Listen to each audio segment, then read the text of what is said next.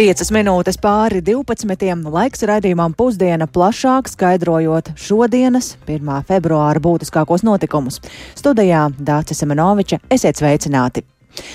Pašvaldību finanšu izlīdzināšanas sistēma Latvijā ir aizgājusi pilnīgi greizi. Ar šādu paziņojumu Latvijas televīzijā šorīt nāca klajā Rīgas mērs Mārtiņš Staķis, un līdzīgu viedokli viņš iepriekš paudis arī Latvijas radio galvaspilsētas budžeta apspriešanas laikā. Pēc Staķa teiktā Rīga apmaksājot arī tādas citu pašvaldību funkcijas, ko likums neparedz. Stāķis ir pārliecināts, ka tas ir jāmaina, un par to jau šonadēļ plāno runāt ar Finanšu ministriju. Vai tā ir gatava mainīt esošo kārtību? Situācija ir pētījis Jānis Kīncis, kurš pievienojas man studijā. Sveiks, Jānī! Kas ir radījis eh, šādus pašvaldības, eh, Rīgas pašvaldības vadītāju iebildumus? Sveika, Dārts! Sveicināti klausītāji! Jā, mēs sākumā īsi izstāstīšu tātad, ka šī pašvaldību finanšu izlīdzināšana ir pašvaldību ieņēmumu un valsts budžeta dotācijas pārdale, lai radītu visām pašvaldībām līdzīgas iespējas eh, likumu noteikto funkciju izpildē. Nu, šīs pamatfunkcijas ir piemēram ūdens apgāde, apkure, ceļu uzturēšana, atkritumu izvešana, tāpat izglītības un kultūras iestāžu darbība, dažādi sociālie pakalpojumi, tā skaitā pabalstu un arī drošības pasākumu vietvarā. Nu, lūk, un Rīgas mērs Mārtiņš Staķis, kurš pārstāv par un progresīvo frakciju, norāda, ka šogad Rīgas vietvaras maksājums šajā pašvaldību finanšu izlīdzināšanas fondā pieaudzis līdz 125 miljoniem eiro. Salīdzinājumam pirms diviem gadiem tie bija 42 miljoni eiro. Un no šīs summas naudu saņemot arī vietvaras, kuras ar nosaukto pamatfunkciju izpildi pašas spēj tikt galā. Tādējādi Rīga jūtas apdraudēta sadalīta un tai atņemta nauda pašas vajadzībām. To viņš šau, pauda šorīt intervijā Latvijas televīzijā. Varam paklausīties fragmentu. Princips eh, finanšu izlīdzināšanai ir tāds, ka ir pašvaldības, kurš netiek galā ar savām pamatfunkcijām, un tad, tad dod klāt papildu līdzekļu. Bet šobrīd jau saņem tās pašvaldības, kurām nav nekāda problēma ar pamatfunkcijām. Liepāja, Ventspils, Sigūda, Ogrē, Jālgava, visas šīs pilsētas ir saņēmēji pilsētas, un te ir jautājums, vai šī nauda, kas šobrīd tiek sadalīta, vai viņi kalpo šiem mērķiem. Atgādināšu, ka par iespējamām izmaiņām šajā mehānismā runāja jau pirms pāris gadiem, kad ieviesa tā saucamo administratīvu teritoriālo reformu. Taču, šo, taču šo gadu laikā norises aprobežojušās vien ar diskusijām darba grupā un fundamentālas izmaiņas prognozējot no šī gada kuras šogad nenotiks, un iepriekš izskanējis, ka pašvaldībām vajadzētu mērķiecīgāk tērēt saņemto dotāciju, jo pat labam katra vietvara to var izmantot pēc saviem ieskatiem. Tātad eh, valstī nauda pašvaldībām būtu jādod noteiktu funkciju izpildēji. Pārmaiņas tad ir plānotas, bet citu gadu, jo šis uzdevums Šobrīd ir iekļauts arī valdības deklarācijā norādīto uzdevumu sarakstā, solot veicināt visu pašvaldību ieinteresētību savas teritorijas attīstībā. Un šajā gadā visām pašvaldībām plānots 14,6% pieaugums izlīdzinātajos ieņēmumos. Um, Un šis aprēķins ir Finanšu ministrijas uzdevums ik gadu vadoties no iedzīvotāja ienākuma nodokļa ieņēmumiem. Un šo aprēķinu iekļauj gadskārtējā valsts budžeta gatavošanas procesā, un šogad tātad kamēr valsts budžets vēl top, par to sarunas nenotiks, taču tās ir gaidāmas drīz pēc tam, tātad pavasarī. To Latvijas radio apliecināja Finanšu ministrijas pārstāvis Aleksis Jarockis.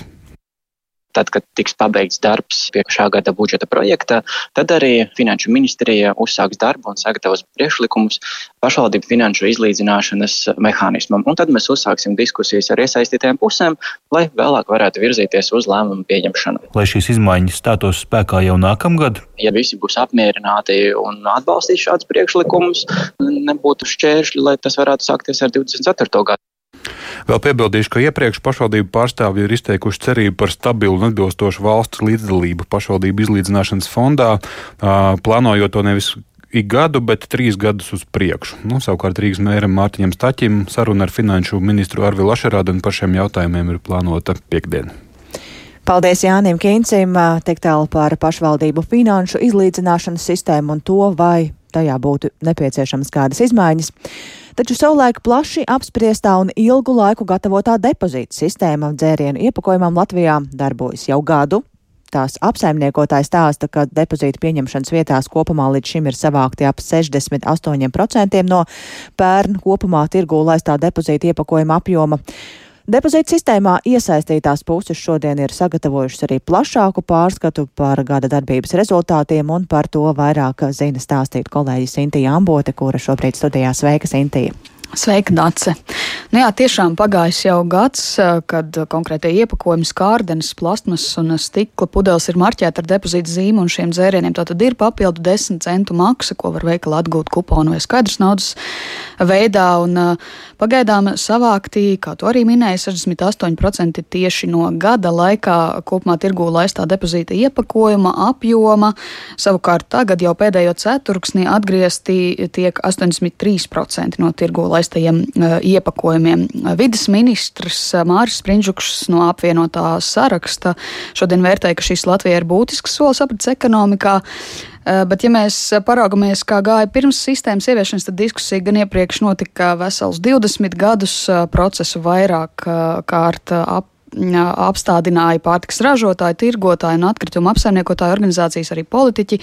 Gadu garumā mainīja savu nostāju turpu šurpu dažādos saimas un uh, valdības sasaukumos, uh, līdz 20. gadā pieņēma to lēmumu ieviest. Un arī jau tagad, šī gada uh, laikā, uh, kad sistēma darbojas, protams, tai netrūka savu izaicinājumu, sākot ar to, ka veikaliem bija jāsaprot, kur šos depozīta aparātus uh, izvietot, cik bieži un kas tos var veikalā uzkopt un uh, iztukšot iztukšot, un, protams, arī kur aparātos savākt to pudeļu maisu un stikla taras kastes uh, uzglabāt, līdz operators tos savāc. Un, uh, un noliktavas tiešām bija problēma tādiem mazākiem lauku veikaliem. Operators gan te bilst, ka par izvešanas biežumu var katrs vienoties, un uh, sistēmas uzrauga valsts vidas dienesta vadītājās Elitas Ansbergas Baklānas ieskatā daļa tirgotāji, kas sistēmu neievieš, to dara arī tādu principu pēc, jo nevēlas vispār šo sistēmu. Varam paklausīties viņas sacītē. Uz šo brīdi tie vēl joprojām ir 12 tirgotāji par 47 tirdzniecības vietām. Valsts vidas dienas sākotnēji konsultāciju principu piemēroja, sūtot vēstules, brīdinājumus pēc tam, un tad jau mēs esam arī 22 izpildu rīkojumus, tad attiecīgi dažiem tirgotājiem vairāk kārt tādu piespiedu naudu izdevuši, un kopumā ir uh, lēmumi pieņemti par 20 850 eiro. Tirgotājiem, kuri tātad uh, vai nu sākotnēji neslēdz līgumus, vai noslēguši līgumus, bet nepieņēma iepakojumu, un tad uh, operators lauž šos līgumus.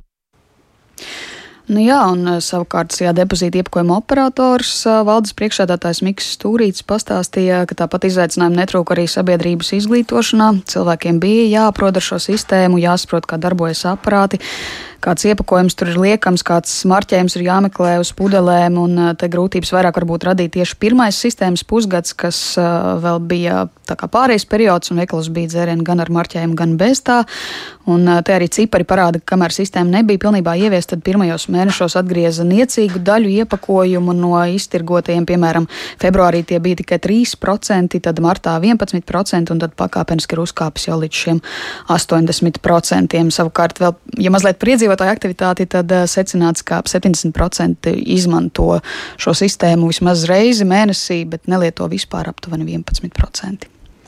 Paldies Sintējai Ambotē. Tātad sākumā runājām daudz par to, taču šobrīd esam pieraduši pie šīs sistēmas un programmu Turpinām ar citiem tematiem. Lai pārunātu atbalstu Ukrainai, drošības un enerģētikas situāciju Eiropā, kā arī citus aktuālus jautājumus Latvijā, vizītē šodien ir ieradies Polijas prezidents Andrzejs Duda ar dzīvesbiedri, kurš šeit uzturēsies vairākas dienas, un tā ir ļoti nozīmīga vizīte, jo Polijai ir strateģiska loma ne tikai Latvijā, bet arī Ukrainā un visā reģionā. Tā šorīt sarunā ar kolēģi Kristapu Feldmani sacīja saimas deputāts, progresīvo pārstāvis un Stradiņa universitātes Eiropas studiju fakultātes profesors Andris Sprūts. Paklausīsimies viņa teiktajā. Skaidrs, ka Polija ir viens no mūsu strateģiskajiem sabiedrotajiem, un mēs arvien vairāk redzam šīs aktivitātes, kurā ir trīs Baltijas valsts plus eh, Polija. Polijas nozīme Latvijas drošībā pēc eh, Krievijas agresijas Ukrainā ir tikai pieaugusi. Un noteikti tas ir apusēji. Jau arī pati vizīte, kas ilgs trīs dienas, jau ir tāds zināms apliecinājums tam, ka tiešām šeit uh, ir intensīvas sarunas dažādos līmeņos. Spektrs uh, ir plašs sadarbībai un uh, drošība šobrīd absolūti ir pirmajā vietā, un te mums tiešām ir arī daudz ko runāt, jo arī mums ir kopīga pozīcija Ukrainas atbalstā. Mēs varbūt varam arī sagaidīt kādus kopīgus nozīmīgus paziņojumus, vai šeit būs vairāk tādas nu, sarunas savstarpējās. Es domāju, ka gan, gan, jo no vienas puses skaidrs, ka šeit ir ļoti daudz simbolikas un eh, tikšanās starp Andžēju Dudu un arī Egilu Levitu, diviem prezidentiem, notiek faktiski regulāri. vizītes sarki ir pietiekoši pat biežas, un tas arī parāda to savstarpējo nozīmīgumu un savstarpēju ieinteresētību, un es teiktu, tā ir labas attiecības ar prezidentiem. Bet eh, vienlaiks, protams, ka katra tikšanās arī nāk ar paziņojumu. Mēs jau pat zinām, veidā tādu priekšvēstnes redzējām arī vakar, kurā trīs Baltijas valsts un Polijas ārlietu ministri arī nāca kopā klajā ar kopīgi paziņojumi. Tā kā noteikti šeit būs gan paziņojumi, gan arī vienošanās pār drošību, arī pār sadarbību kultūras izglītības jomās. Kā mēs varam kopumā vērtēt Ukrainā notiekošā kara apstākļos, cik liela tad ir tieši tā polijas loma, ja mēs salīdzinām varbūt ar citām Eiropas valstīm? Polijas loma ir nu, ja es neteiktu, varbūt izšķiroši, tāda noteikti ļoti svarīga, un es pat teiktu, neaizvietojama. Nu, neaizvietojama, kaut arī mēs paskatāmies uz geogrāfiju. Visas ieroču piegādes faktiski iet cauri Polijas teritoriju. Arī, ja mēs atceramies no pašas pirmās dienas, bēgļu plūsmas no Ukrainas pamat arī ir gājušas cauri Poliju.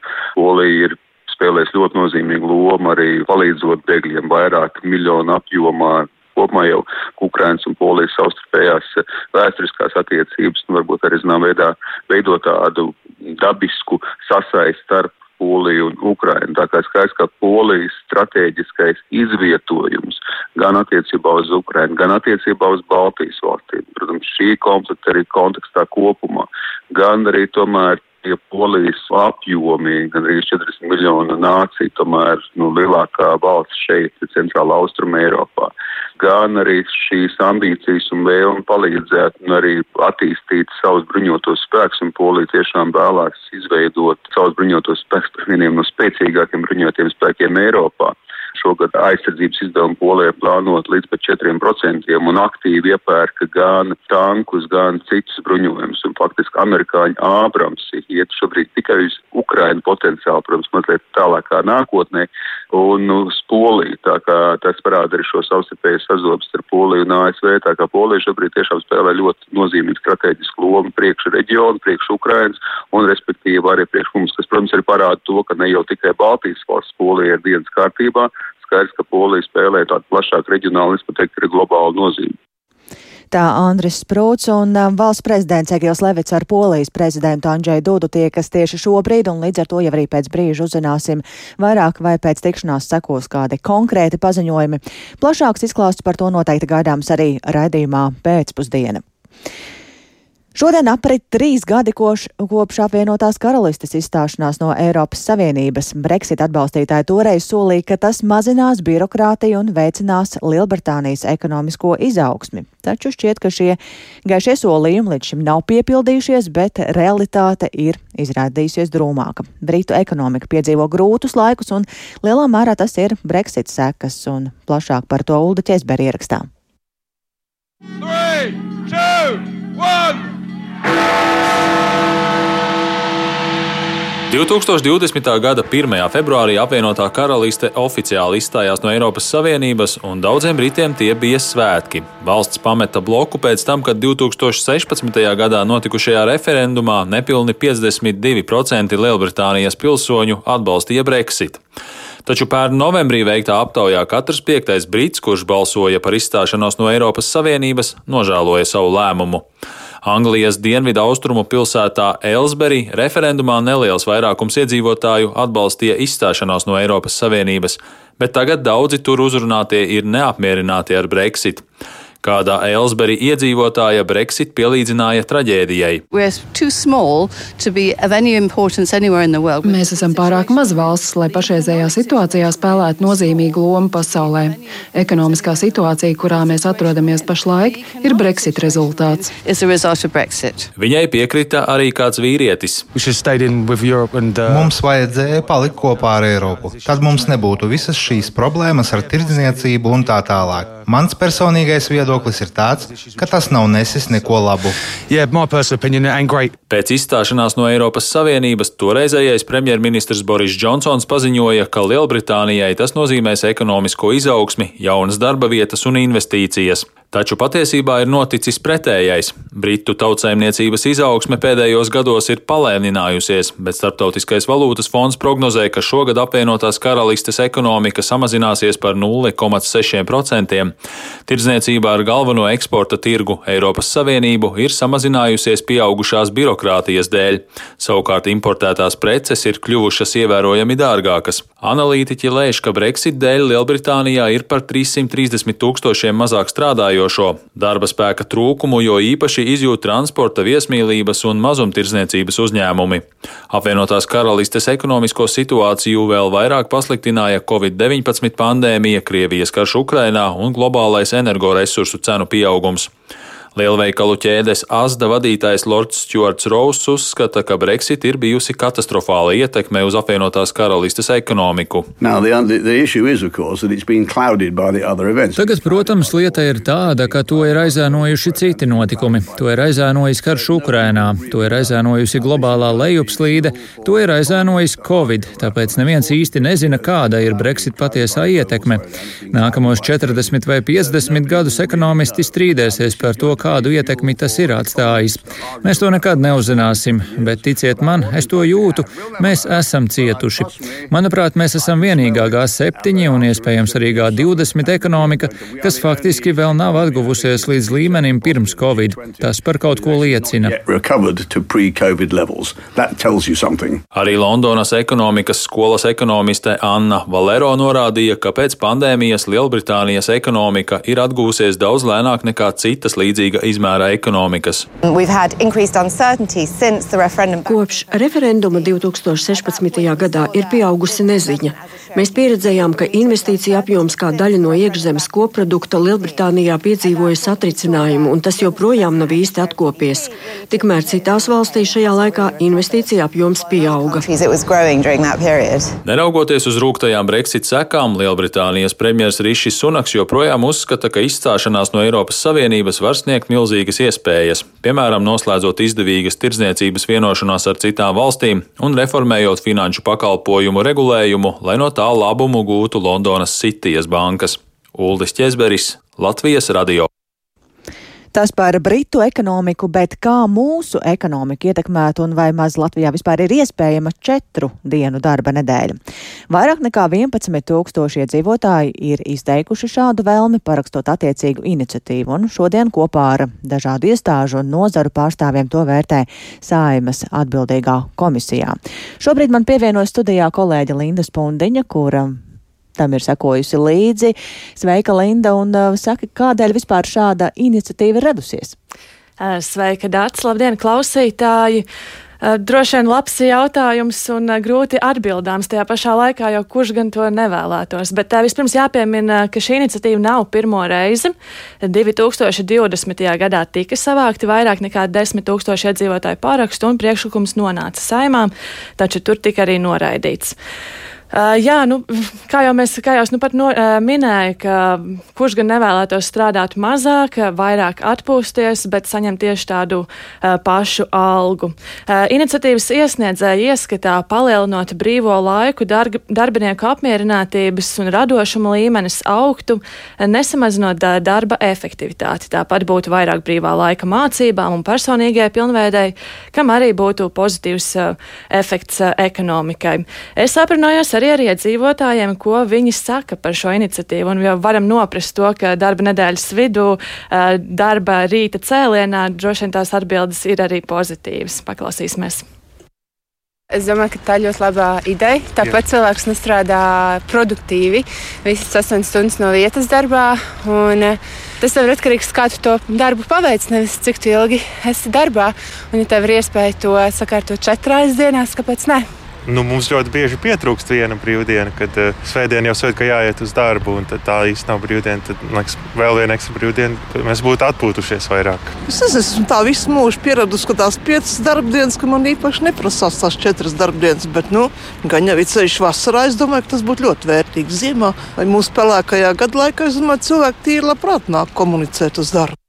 Nu, lielākā daļa iedzīvotāju atbalstoši. Jā, bet es vēl arī jautāju, ko tad viņi darītu ar, ar vēl vienu brīvdienu, un tad eh, tās atbildes bija dažādas, un, protams, pirmā, ka atpūstos un būtu vairāk eh, brīva laika hobijiem un kvalitatīvākiem, kvalitatīvāk varētu sagatavoties jauniem darba cēlienam. Taču šie, protams, nebija galvenie argumenti deputātiem un nozaru ekspertiem diskutējot par četru dienu un 32 stundu darba nedēļu. Tomēr būtiska piebilde gan izskanēja strādājot strādājošo izdegšanu un darba nespējas lapu pieaugums dažādu iemeslu dēļ. Uh, taču jā, šis arī nebija galvenais jautājums diskusijā. Galvenais jautājums gan bija, vai Latvijas ekonomika to var atļauties, un īsā atbilde, protams, ir, ka nē. Taču bija arī plaša argumentācija diskusijā. Uh, jā, tad. Uh... Ko par, ko, ko par to teica komisijā? Kādi galvenie argumenti? Jā, Sociālo un darba lietu komisijā valdīja viena nostāja, ka valsts to nevar atļauties, jo kas tad notiks valsts un pašvaldības iestādēs būs grūti nodrošināt iedzīvotājiem pakalpojumus, savukārt tur jau tā ir liels strādājošo iztrūkums. Varam paklausīties ekonomikas ministrijas argumentus, kāpēc mēs to nevaram atļauties, un ministrijas viedokli pauž analītikas dienesta vadītāja Daca Zīle. Tas nozīmē, ka, ja mēs negribam iekšzemes koproduktu kritumu, kas eh, cits starpā nozīmē arī cilvēku dzīves līmeņa samazināšanos, tas nozīmē, ka cilvēkiem ir jāspēj četru dienu laikā paveikt eh, viss tas darba apjoms, ko viņi līdz šim dara piecu darba dienu laikā. Ņemot vērā to, ka ekonomikā ir dažādas nozars un eh, diezgan daudz dominē nozars ar zemu pievienoto vērtību, tad šajā brīdī mēs nesaskatām iespēju administratīvi visai ekonomikai noteikt četru dienu darba nedēļu. Jā, arī Latvijas darba devēja konfederācija bija pret šo iniciatīvu un aprēķināja arī to, ka tas varētu kaitēt mūsu labklājībai un mūsu iekšzemes koprodukts samazinātos par vairāk nekā 8 miljoniem eiro. Te gan jāmin tas, ka šī bija plaša diskusija un visiem iesaistītiem bija skaidrs, ka ir jārunā par eh, darba efektivizāciju, kā eh, par elastīgu darba laiku, kas būtu nepieciešams. Un eh, tātad šeit šajā komisijā lēmums vēl netika pieņemts, bet nu skaidrs, ka saimnes deputāti droši vien šo lēmumu arī par četru dienu darba nedēļu neatbalstīs. Tomēr jābūt diskusijai arī plašākai, kā tad mēs varam efektivizēt to darba laiku, lai cilvēkiem nebūtu izdegšanu un veselības problēmas. Tātad arī komisija lēma, ka jāturpina šī diskusija trīspusējās padomas eh, darba sēdēs. Tad saima to turpinās vēl skatīt šo iniciatīvu. Vēl diskutēs par šo. Jā, paldies Lindai Spundiņai, un mēs turpinām ar vēl kādu tematu. Latvijā jau kopš rudens ir spēkā imigrācijas likuma grozījumi, kas eh, pārēdz, ka šeit dzīvojošiem Krievijas pilsoņiem pastāvīgās uzturēšanās atļaujas būs derīgas līdz šī gada septembrim. Un to atkārtotai saņemšanai ir nepieciešams dokuments, kas apliecina valsts valodas zināšanas vismaz pamatlīmenī, jeb A2. Un tādu cilvēku Latvijā varētu būt gana daudz, ap 20 tūkstošiem. Un no šodienas šie cilvēki var sākt reģistrēties valsts izglītības satura centrā, valsts valodas pārbaudē. To var izdarīt pa pastu, elektroniski vai arī klātienē. Kā sākusies šī reģistrācija, par to runāsim ar valsts izglītības satura centra pārstāvi Lienu, Lienu Bērziņu, kur esam šobrīd sazvanījuši. Labdien! Labdien! Kur īsti šorīt ir sākusies pieteikšanās? Šorīt ir sākusies reģistrēšanās valsts valodas prasmes pārbaudē Krievijas federācijas pilsoņiem, un kā jau jūs pareizi minējāt, tā ir iespējama trīs veidos, bet droši vien tā lielākā interese ir par to, kas notiek klātienē Strūgielā, kur cilvēkiem ir iespēja pieteikties valsts valodas prasmes pārbaudē. Uz šo brīdi varam pastāstīt, ka aptuveni 200 cilvēki ir reģistrējušies um, eksāmenam, un uh, Daļa no tiem ir uh, sūtījuši arī iesniegumus elektroniski, klātienē tie ir nedaudz vairāk kā simts cilvēki. Tātad lielākā interese Rīgā, bet es saprotu, ka ir vēl Daugavpils un Liepāja. Jā, Daugavpilī un Liepājā šodien var reģistrēties klātienē, lai nāktu uz konsultāciju un iepazītos ar visu kārtību uz atsevišķiem datumiem februārī. Tur ir arī konkrēti tālruņa numuri tieši šīm vietām, uz kurām var zvanīt, ja cilvēkam tas ir viet, tuvāk dzīves vietai un viņš tomēr grib reģistrēties klātienē, bet pieteikties uz šīm vietām var arī elektroniskā veidā vai izsūtot iesniegumu pa pastu. Jūs jau minējāt skaitu Rīgā, bet kopumā kā jūs vērtējat, cik liela tā liela ir interese un vai neveidojas kaut kādas rindas arī? Nē, šobrīd rindas neveidojas. Mums ir uh, Strūgu ielā desmit reģistrētāji, kas šobrīd uh, palīdz cilvēkiem, skaidro, izstāsta, kāda ir kārtība, iedod atbalsta materiālus, kas var palīdzēt sagatavoties pārbaudījumam, un šobrīd rindas nav novērotas. Ir cilvēki, kas nāk kopā ar ģimenēm, kas paņēmuši līdzi arī bērnus, esam novērojuši, ka nāk arī uh, paziņas vai draugi, kas ir tā kā nolēmuši reģistrēties vienlaicīgi, bet uh, tā, ka cilvēkiem būtu jāstāv uz rindas un jāgaida Nē, šāda situācija šobrīd nav izveidojusies. Paldies Valsts izglītības satura centra pārstāvē Lienai Bērzeņai. Ar to arī izskan raidījums pusdiena. Producenti Ilza Agīnta ierakstus montēja Renāša Steimanis un par labskaņu rūpējās Katrīna Bramberga studijā Dācis Semenoviča.